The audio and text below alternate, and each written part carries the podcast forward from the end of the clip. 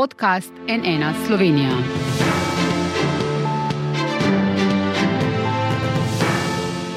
Dobar dan, to je NN studio. Po enem od politično najbolj burnih tednov, odkar je na oblasti ta koalicija, je premijer Robert Golob odšel v Kijev, kjer je predsedniku Zelenskemu obljubil pomoč Slovenije pri povojni obnovi Ukrajine. A njegov intervju, v katerem je mešal zasebno življenje, kritike sodelavcev in napovedi, da nekaterih reform morda sploh ne bo, še vedno pretresa domačo javnost. Kako na to gledajo koalicijski partnerji, kje so bile narejene največje napake, se bodo res kateri od reform odpovedali? Z nami v studiu je podpredsednica vlade, ministrica za zunanje in evropske zadeve, tudi predsednica koalicijske SD, Tanja Fajon. Dobr dan, dobrodošli. Dobar dan. Gospa eh, ministrica, morda najprej še pojasnilo eh, gledalcem. V oddajo smo namreč povabili tudi poslanca največje opozicijske stranke in predhodnika na mesto zunanjega ministra, sodeč po anketah tudi najbolj priljubljenega politika v državi Anžeta Logarja, ki je veliko govoril o pomoči Ukrajini in pomembnosti reform, a je naše vabilo v oddajo zavrnil. Gospa Fajon, začniva. Veliko slabe volje in skrbi je bilo zaznati v neformalnih pogovorjih s predstavniki vaše stranke v tem tednu, razlog pa premijev intervju za oddajo preverjeno. Kaj vas je pravzaprav najbolj vznejevoljilo? Hm. Zdaj ne bi mogla reči, da je bil razlog verjetno oddaja preverjeno. Jaz mislim, da tu niti ne gre toliko za um, nejevoljo ali jezno, bolj gre za skrb, ko spremljaš ljudi, ki so um, nezadovoljni v veliki meri, mogoče tudi prestrašeni. Mi smo v letu, ko smo napovedali vrsto sprememb in te spremembe zahtevajo seveda eno širše soglasje, zahtevajo, da bo politika znala skomunicirati, zakaj so vse te spremembe, ko gre za plače, ko gre za davke, ko gre za stanovanja, ko gre za zdravstveni sistem potrebne. Um, seveda se tu vedno najde veliko vprašanj in tudi za nas kot politike, kot koalicijske stranke so to utemeljena vprašanja. Mi bomo mogli dati prave odgovore in zato dobiti tudi um, razumevanje ljudi. Zdaj se pa zdi, da že v štartu, ko nastavljamo in postavljamo te reforme, ko imamo izhodišča, ko se pogovarjamo o izzivih v družbi, se zdi, da je že veliko nemira, mogoče zato, ker ni vseh odgovorov na mizi. In to je tudi tisti nemer, ki ga pogosto čutimo koalicijske partnerice ali tudi poslanske skupine, ko nimamo na mizi vseh izhodišč ali pa usmeritev, kaj želimo narediti. Torej, ne samo komunikacija s splošno javnostjo, ampak tudi komunikacija znotraj koalicije s koalicijskimi partnerji. Ne gre za slabo komunikacijo. Jaz moram reči, da zelo dobro z obema šefoma koalicijskih strank sodelujem, da si povemo, če imamo nesoglasja, da se vsak teden srečujemo na koalicijskih sestankih. Gre bolj za to, da ko, ko mi zdaj vsak koalicijski vrh, ki ga imamo, izkoristimo za pogovor tudi s poslanci, da najprej zadeve analiziramo. Mar si kdo reče, vsaka vlada do zdaj je uspela analizirati razmere, ampak meni je to zelo koristilo, da vidiš, kako je dejansko stanje, preden se lotiš neke spremembe. In potem je seveda um, ta komunikacija, če ni zdaj pri vseh teh reformah, imamo mi analizo stanja, imamo tudi neko željo, kako ambiciozno in hitro jih želimo peljati, nimamo pa še čisto predstave z resornih ministrstv, kako, po kakem ključu bomo te spremembe peljali. Ja. Dogovorili smo se in jaz si pa tu iskreno želim, mi smo druga koalicijska pomoči po velikosti stranka v tej vladi, iskreno želim, da smo v vladi zato, da pomagamo delati spremembe, ki bodo izboljšale življenje ljudi. In delovali bomo na način, da bomo, če bo treba, nastavljali ogledalo, bili tudi kritični, ampak vedno s konstruktivno kritiko in pa tudi z argumenti, kako stvari peljati naprej. A pa se vi strinjate s premijem, da če vlada ne bo uspela prepričati ljudi, da jim bodo reforme olajšale življenje, da se potem reform, razen zdravstvene, pač ne boste šli? Zdaj, tu so, vse veste, interpretacije zelo veliko. Kaj je on natančno s tem mislil? Jaz, do, do, jaz do tega trenutka nisem začutila v razpravah, da ne bi bilo pripravljenosti. Jaz mislim, da se vsi zavedamo, da potrebujemo spremembe za vse, kar sem omenila, od zdravstva do stanovanske politike, do pokojninske, dolgotrajne oskrbe, do ne nazadnje davčne plačne reforme. Vsi se strinjamo, da so te spremembe nujne. Tudi prejšnje vlade so se ukvarjali, nam so se v bistvu v 10, 20, 30 letih nakupičile težave, nakupičile ne samo težave, tudi vrsta anomalij, ko v sistemi ne delujejo, kot bi si želeli, ko imamo vrsto kategorij prebivalstva, ki je nezadovoljnih. A pa vam je on ti svoje besede uh, na včerajšnjem sestanku predsejo vlade kaj pojasnil? Nismo govorili o oddaji preverjeno na koalicijskem sestanku, mislim, da nihče ni se dotaknil, ker smo se ukvarjali za vsebino vladne seje, ki je bila pred nami in za agendo, ki je bila tisti dan pred nami. Ja, ampak pričakujete pa pogovor o tem, opravili ga boste v ponedeljek znotraj stranke, tudi na predsedstvu je danes dejala eh, podpredsednica SDM Hot, eh, tudi znotraj koalicije bo pogovor je dejala, pričakujemo določene odgovore. Katere? Ampak mi vsak teden imamo znotraj stranke kolegi, predsednice, imamo organe stranke, kjer se pogovarjamo. Zlasti veliko smo namenili pozornosti zdravstvu, tudi zdaj predstavljenim izhodiščem vseh ostalih reform in pogovarjamo se, kje bodo tiste naše usmeritve, ki jih bomo res trdo zagovarjali pri teh reformah. To so vsebine naših pogovorov, kako bomo peljali te spremembe, kje bodo naši argumenti, kako bomo zagovarjali javno zdravstvo in kje bodo mogoče tiste neke naše rdeče usmeritve, preko katerih pa ne bomo mogli iti. Ni to vprašanje sodelovanja v koaliciji ali kakršnega koli nezaupanje. Mogoče pa je dejstvo, da seveda si želimo nekega res um, dobrega dela, v smislu, da vemo sistemsko, kako gremo, da so poslanske skupine še bistveno bolj obveščene, kdaj se sprejemajo na vladi kakšni zakoni, da ni tu kratkih stikov in da čim bolj transparentno delujemo pri pripravah, tudi z resornimi ministri. Ja, glede na dosedanje poteze opozicije, ne bi bilo nikakršno presenečenje, če bi državljani o reformnih zakonih če, ko bodo ti vloženi, potem odločali na referendumih. Ne? Glede na padanje podpore vladi, rezultat ni samo umeven, ne glede na to, da je ta vlada tri referendume že dobila. Kako si predstavljate nadaljne delo vlado, vlade, če vam začnejo zakoni padati na referendumih, kot se je denimo zgodilo v SD-ju, SD-ju, vaši stranki v času, ko je vlado vodil Borut Pahor? Jaz Verjamem, da je komunikacija z ljudmi, z stroko tu zelo ključna, ker lahko še ne vem, kako dobro reformo, mogoče je bila davčna to izhodišče.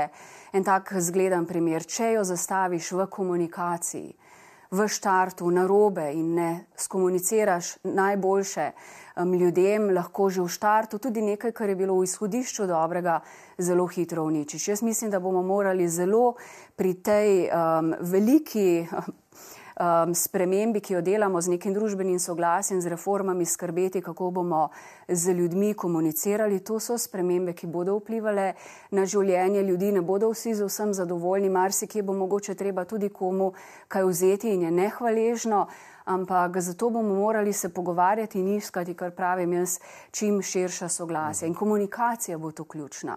Ali bomo ministri zdaj in vlada in poslanci sposobni najprej med sabo imeti dovolj transparentnosti.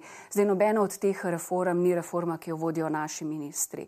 Ampak vendarle bomo pri vseh sodelovali z našimi strokovnjaki, naredili smo delovne skupine. Jaz sem se potrudila, da bo v delovnih skupinah pri nas res sodelovali najboljši ljudje, da bomo dobesedno skušali poboljšati stvari, kolikor je mogoče. Ste pa v koaliciji izrazili obžalovanje ob odstopu Tilna Božiča, državnega sekretarja na Ministrstvu za finance, ki je pripravljal davčno reformo in jo komuniciral tudi in je odšel zaradi golobovih kritik, da niso komunicirali ustrezno. Ali torej ni odstopil pravi, bi moral odstopiti finančni minister Kleman Boštjančič? Tega žal res ne morem soditi, lahko pa povem, da smo s Tilnom, Tilnom smo dobro sodelovali. Res je, poslanci so mi povedali, da so ga imeli radi, ker je strokovno znal pojasniti stvari, veliko se je pogovarjal. Zdaj, zakaj je on ponudil odstop, se je že tako odločil, minister je sprejel včeraj, ni dal dodatnega komentarja na to in je to pač odločitev ministra in pa seveda državnega sekretarja, ki je odstopil in v to se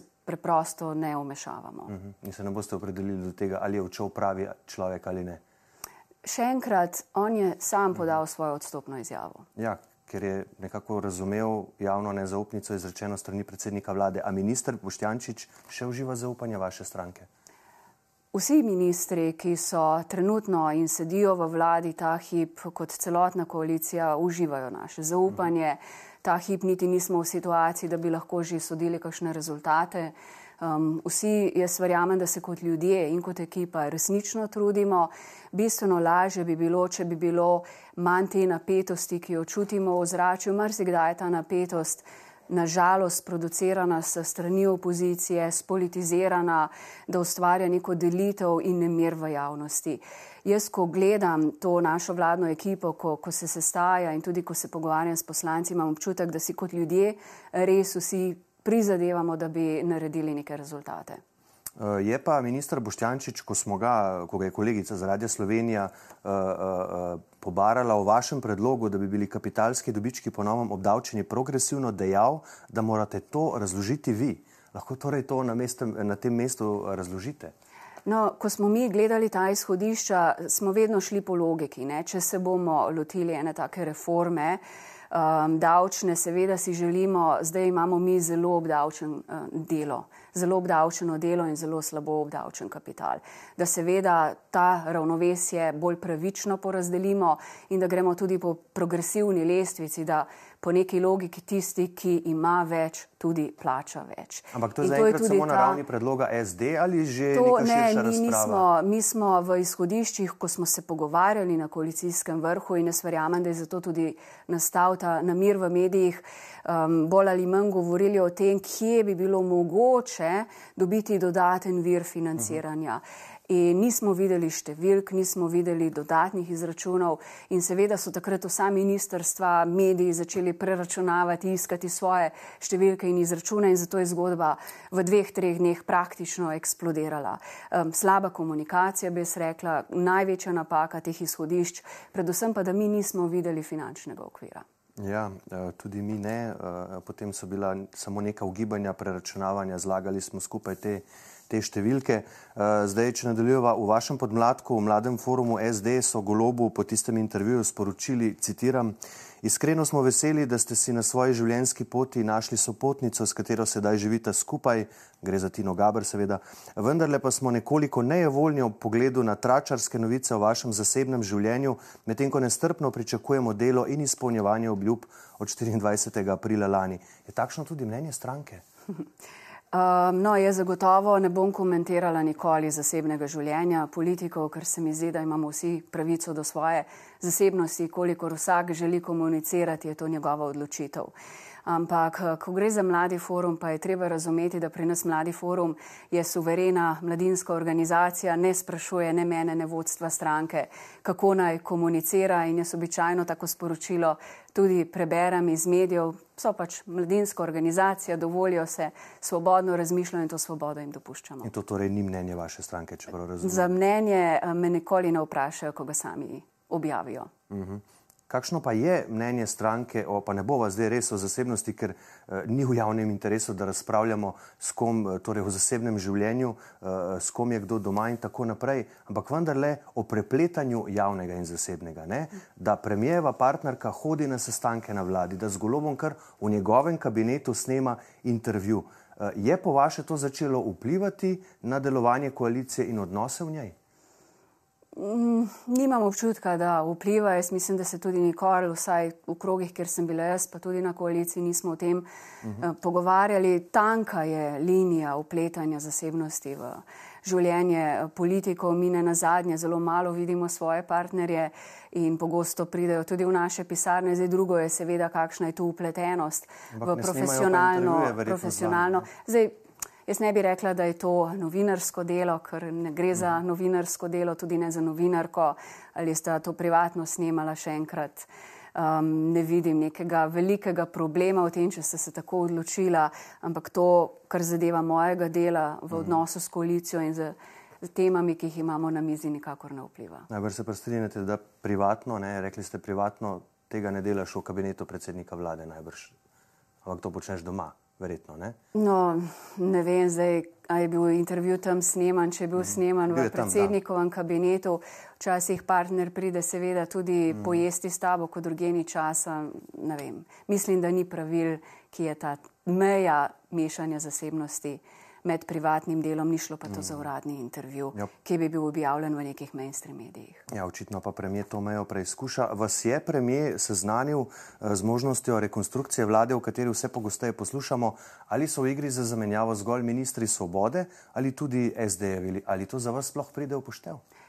Predsednik vlade zagotovo o tem ni nikoli načel pogovora o rekonstrukciji vlade z mano, ne tudi um, nisem zasledila te informacije v nobenem od sestankov, ki ga imam tudi za vodstvom naše stranke ali s koalicijskimi partnerji, tako da to bolj zasledim v medijih. Očitno mhm. veste več, kot um, vem jaz zdaj. Um, če se bo odločil za menjavo kakšnega ministra znotraj svoje kvote, je to seveda njegova odločitev. Jaz ne čutim v tem trenutku, da je to aktualna zgodba, pa vendar mogoče mi ni vse poznano. Um, pri nas pa, pa mi sami odločamo, kdo so naši ministri, bi bilo pa verjetno to kar težek um, lahko predmet pogovorov. Mhm. Torej, če želi zamenjati ministra iz kvote svoje stranke, v redu, pač se bo, boste to vzeli na znanje, če tako rečem. Če bi pa želel kakšnega od vaših, kaj bi se pa potem zgodilo? To bi pa, jaz mislim, imeli kar velike težave, ker uh -huh. na zadnje smo mi postavljali svoje ministre uh -huh. in tako kot mi drugim puščamo suvereno to kadrovsko odločitev, pričakujemo enako od partnerjev. Kolegi z dela danes poročajo o poskusih destabilizacije največje poslanske skupine, torej Svobode, ki šteje kar 41 poslancev. E, ti poskusi naj bi prihajali tudi strani e, SD, ki da želi k sebi zvabiti nekatere golobove poslance. E, moj, mojca Šetinc Pašek, poslanka Svobode, je v zvezi s tem dejala, citiram, če kolegi v SD govorijo in pričakujejo ekipni odhod poslancev Svobode k njim ali med nepovezane, je žal to velik račun brez krčmarja. Tisti, ki to govorijo, lažejo in živijo v spor sporednem svetu daleč od realnosti. Ali torej pričakujete prestope poslancev svobode v SD? Um, takšni pogovori resnično ne potekajo, tudi takšnih navodil jaz nikomor ne dajem. Pravzaprav nisem nikoli zasledila aktualne razprave o kakršnem koli prestopu. Um, za zdaj, tako da to je stvar, če se bodo poslanci sami gibanja svobode odločili. Moram pa reči, da je zelo jasno če se bojo odločili, bomo najprej se takrat pogovarjali o tem. Za zdaj nismo tam. Imam pa je zelo jasno navodilo, da vse čas um, tako našim poslancem um, kot tudi ministrom nalagam, dajmo biti konstruktiven partner, naslavljajmo kritiko, ko je ta potrebna, ampak naslavljajmo jo z argumenti, ker smo del te vlade, ker smo dobili zaupanje ljudi in ker seveda moramo to zaupanje z rešitvami in rezultati tudi dokazati. Ja, ste pa oktobra lani ob robu, ob robu kongresa SD dejali, da si predstavljate, citiram, da bi se kak prestop lahko zgodil tudi v našo smer. To ste rekli. Se torej bo in odkot si še vedno predstavljate to? V politiki je vedno aktualna želja v parlamentu, kjer se merijo tudi Eh, poslanski glasovi in teža teh, da bi se zgodil kakšen prestop, uh -huh. ampak to ne pomeni, da gre za zvijanje rok ali za siljenje kogarkoli. Če pa bo kdo želel priti k nam, pa jaz vedno pravim, vrata so odprta, dokler delimo nekaj in zagovarjamo skupne vrednote socialne demokracije. Uh mhm. -huh. Stvari ne gredo v smeri, ki smo jo po volitvah pričakovali. To je za NN po sestanku zdajšnjega in nekdanjih glavnih tajnikov SD eh, dejal eh, prejšnji drugi človek stranke Dejan Levanič. Strinjali so se, da je Slovenija še vedno v nekem krču, pričakovanega zadovoljstva nam reči ne na državni, ne na lokalni ravni, zdi se ravno obratno, kot da nezadovoljstvo narašča, je dejal in da vam to dnevno sporočajo tudi vaši člani iz lokalnih odborov. Kje tu vidite svojo odgovornost in kako boste to spremenili? Podpora stranki je padla, trenda doslej nekako niste še uspeli obrniti. Jaz sem prepričana, da smo danes v zelo dobri kondiciji, bistveno boljši kot še mesec dni nazaj. In te kritike ali to nezadovoljstvo, nemir prihaja zelo upravičeno. Jaz poslušam, se veliko pogovarjam z ljudmi. Ne gre samo za to, da je ta um, strah prisoten tu zadnje leto, ampak to so se težave v Sloveniji nakopičile in to um, zdaj, ko mi je res v drobovje poznan sistem v Sloveniji, kopičile čez desetletja. In mi smo prišli v situacijo, ko imamo v vsakem sistemu, ki ga danes gledamo, ali pod sistemu vrsto nekih anomalij, težav, ko smo delali tudi nepravilnosti. In danes zdaj ljudi pripraviti, da so spremembe nujne, ko so se nekega stanja mogoče navadili, nekateri bolje, nekateri slabše, je za politiko zelo velik izziv. Jaz mislim, da bomo uspeli prepričati samo tako, da res trdo delamo in dajemo na mizo tiste rešitve, ki so sprejemljive za najširšo množico ljudi, kar pomeni, da moramo res poslušati stroko, tudi ta je pogosto razdeljena, poslušati civilno javnost, vključevati vse v iskanje tega širšega soglasja. Jaz lahko samo rečem, da sem z delom zavezana k temu in da tudi znotraj stranke smo uspeli vzpostaviti danes strokovne svete, zbrali skupaj strokovnjake, da bomo resnično delali na reformah in delali z argumenti. Jaz mislim, da bomo tudi ljudem dokazali, smo štirje ministri. Ampak, če samo pogledam na resor Ministrstva za gospodarstvo, kaj jim je uspelo narediti v devetih mesecih, odpraviti vrsto anomalij, ki bi lahko Sloveniji grozile z velikimi kaznimi iz Bruslja in tudi pomagati majelemu v srednjemu gospodarstvu, tudi skozi energetsko in prehrambeno krizo. Naši ministri od kohezije regionalnega razvoja pravosodja in ne na zadnje na zunanjih in evropskih zadevah, kjer imamo gospodarsko diplomacijo, kjer imamo pomemben ugled v zunanjem svetu, delamo res, res dobro. Mogoče se nas vedno ne vidi, kot bi si želeli, ampak jaz verjamem, da bo čas pokazal. Ja, uh, glavna prioriteta vašega ministrstva za letos je sicer pridobivanje podpore za Slovenijo kot nestalno članico Varnostnega sveta Združenih narodov, druga kandidatka iz vzhodne Evrope je Belorusija. Zdaj glasovanje se približuje, poleti bo, uh, ni pa še povsem jasno, ali bo Sloveniji uspelo ali pa se bo morda. Tudi to se nekako ugiba, pojavila še tretja kandidatka in potem na koncu zmagala. Se po vaše to lahko zgodi in kako boste prevzeli odgovornost, če Sloveniji ne uspe? Hm. To ne bo moja odgovornost osebno, to gre pač za projekt Slovenije. Mi se zavedamo tako na zunanjem ministrstvu, kjer ga vodimo in jaz vlagam res veliko energije, kot tudi vlada, kot tudi in opozicija in celotna politika mi ta projekt, če ga uspešno izpeljamo, Sloveniji naredimo eno veliko uslugo. Slovenija je majhna država in bo tu v svetu, ki je danes svet velikih geopolitičnih sprememb, lahko igrala eno pomembno vlogo. Dali jo bomo na politični zemljevid, ne samo Evrope, ampak celega sveta, odprli bomo gospodarske priložnosti, marsikatera mogoče tudi delovna mesta, predvsem pa našo podobo države. In jaz lahko rečem danes s ponosom, ko, ko delam uh, v tej kandidaturi, da smo zelo v zadnjih mesecih okrepili podobo Slovenije, da smo razpoznavni po prizadevanjih za boj v podnebnih spremembah, v prizadevanjih, da smo zelena, varna država, da nimamo velikih bremen in da znamo poslušati tudi majhne države. To, to nam priznavajo. A pa se lahko pojavi še tretja kandidatka? Jaz verjamem, da do glasovanja ne, ker je premalo časa. Mi imamo glasovanje 6. junija, tudi ni na vidiku nobene države, tako da v prvem krogu in jaz upam, da nam bi uspelo zmagati v prvem krogu glasovanja, da potem ne vidim priložnosti ne časa, da bi se pojavila še kakšna država. A pa imate kakšno zagotovila? Kako nam kaže s podporo sploh? Hm. Ta hip bi rekla, da sem kar zmerno optimistična, glede na to, da sem prišla iz New Yorka pred dnevi, da imamo nek pregled nad državami, ki nas podpirajo, da če bi bile recimo volitve danes, bi si upala reči, uspeli bomo, uh -huh. ampak do takrat je še dva meseca, tako da noben dan ne smemo pozabiti in počivati. Tudi geopolitična situacija se spreminja in seveda ne moremo na vse pri tem glasovanju vplivati izključno sami. Ja, ampak potem, glede na to, kar pravite, ne boste odstopili z mesta zunanje ministrice, če ta kandidatura ne bo uspešna, vendarle je to vaš ključni projekt. No, zagotovo ni ključni projekt, ker potem bi pozabila, kaj se dogaja v naši regiji, v našem sosedstvu. Ampak za leto ste rekli, da je prioriteta. Balkano. Prioriteta je zagotovo. Ne vidim pa razloga, zakaj bi jaz izključno uh mhm. -huh. nosila posledice, ker gre to za projekt Slovenije, uh -huh. ne zunanje ministrice. No, ampak projekt pa vodi zunanje ministrstvo. No, absolutno, ampak gledajte še enkrat, ko gre za glasovanje, uh -huh. ne moremo mi vplivati na sam potek, kako se bodo razmerja vele sil v svetu, ko imamo vojno na evropski celini, ko imamo lakoto, ko imamo dezinformacije, ko imamo hibridne grožnje, ko imamo prerivanje vele sil, kako bo, se bodo postavili glasovi za Slovenijo, ki je v tem svetu res zelo, zelo majhna.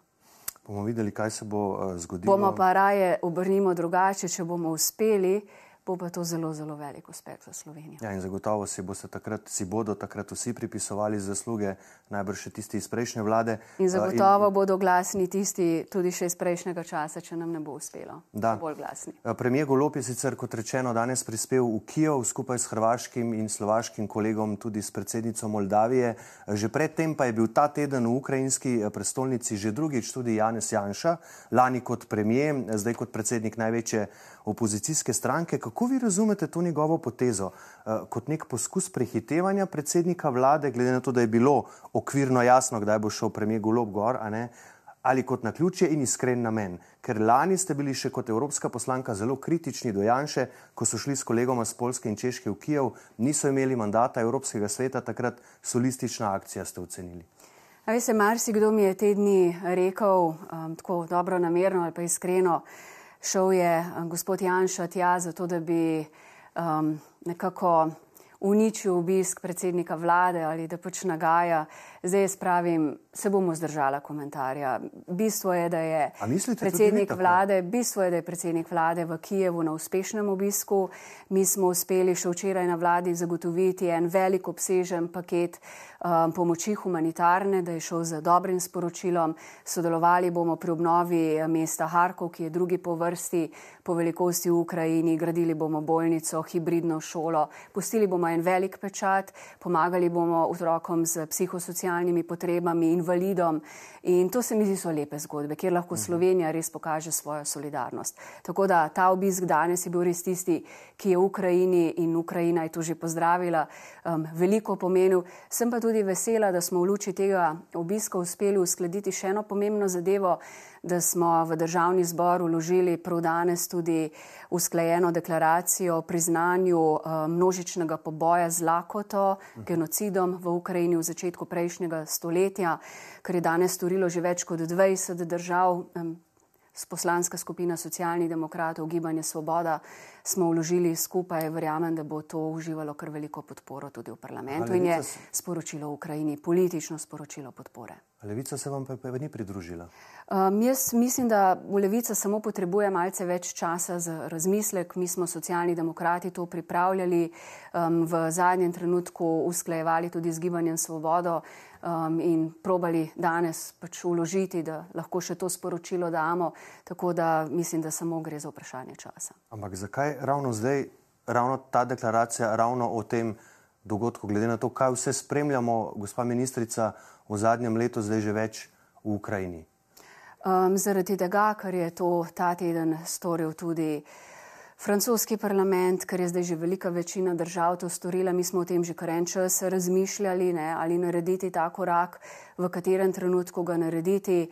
In zdaj smo presodili, da je pravi trenutek. Ukrajina je že več kot eno leto dni v vojni, včasih je treba tudi zaradi neke moralne podpore um, narediti kak pogumen korak. Uh mhm. -huh. Premijer je v Ukrajini ponudil pomoč pri povojni obnovi, nekaj ste že povedali, ampak kakšna konkretno ta pomoč bo, kaj vse, kaj vse je Slovenija pripravljena prispevati. Se pravi, nekaj ste že povedali, pa vendarle še za naprej, verjetno, ko enkrat bo in upamo, da bo to čim prej konec te vojne. Vsi si želimo, da se vojna konča. Na prvem mestu zagotovo Ukrajina in tudi jaz sem vesela, da smo začeli tudi v vseh razpravah, dokumentih uvrščati besedilo. Potrebujemo, eh, da se ustavijo spopadi, da se vzpostavijo pogoji za začetek pogajanj za mir. Čim prej je mogoče. Ta hip te situacije žal nimamo, ampak se bomo trudili eh, v tej smeri. Ukrajini, ki pa je danes žrtev te vojne, Rusija kot agresor, bomo pa pomagali, dokler je treba. In to je bilo danes tudi sporočilo, da razumemo um, borbo Ukrajincev za svojo ozemeljsko suverenost in celovitost. Zdaj, ta paket pomoči, ki je danes ga prinesel predsednik um, Zelenskemu, obsega zlasti in predvsem ali pa sploh samo humanitarno pomoč. Uh -huh. Mi smo na vladi včeraj sprejeli dodatnih 5 milijonov evrov najmanj, da bomo lahko skozi ITF, ki ima že procese ali pa projekte razminiranja, psihosocialne pomoči otrokom, potem bomo dali za otroke s posebnimi potrebami, novorojenčke. Skratka, iz tega paketa bo šlo tudi gospodarska podjetja, so zainteresirana za pomoč pri obnovi Harakova, kjer je že pobrateno mesto z Mariborom, Soča za izgradnjo bolnišnice, za izdelavo protez in tako naprej. Jaz mislim, da lahko Slovenija v tem solidarnostnem, humanitarnem um, smislu pusti en lep pečat. Kaj pa orožje bomo še pošiljali gor? To je odločitev, ki jo bo sprejemala vlada oziroma um, ki jo bo um, tudi mogoče po današnjem obisku prenesel k nam, ali ta želja obstaja. In če ta želja obstaja, bojo takrat seveda, to gre pa za Ministrstvo za obrambo, ki pregleduje svoje skladišča in ki usklajuje to in da potreb, po potrebi odločitev na vlado za zdaj ni bilo. No, ampak vemo, da ukrajinski predstavniki zelo na glas pozivajo Eh, države NATO, Evropske unije, da pomagajo tudi z orožjem. Vemo, zakaj vse eh, prosijo, zagotovo so tudi Slovenijo eh, danes prosili. Vlada je kolektiven organ, vsi skupaj boste sprejeli to odločitev. Kakšno bo vaše stališče pri tem? No, se pravi, če bomo dobili na mizo, da bo odločitev oziroma da bo predlog odločitve, da še pošiljamo naprej vojaško pomoč, odvisno tudi za kakšno gre, to je tudi odvisno od zalog, ki jih imamo v naših ja. skladiščih, bomo takrat odločali na vladi. Mhm. In do zdaj smo vedno vse pakete pomoči Ukrajini tudi skupaj kot vlada podprli. Dobro, bomo videli, kaj se bo zgodilo. Seveda bomo z zanimanjem spremljali tudi še vsa sporočila, ki prihajajo danes iz Kijeva, kjer je slovenski premijer in njegovi kolegi, spoštovana gospa ministrica Fajon. Najlepša hvala, da ste bili gostja NN Slovenija. Hvala za povabilo.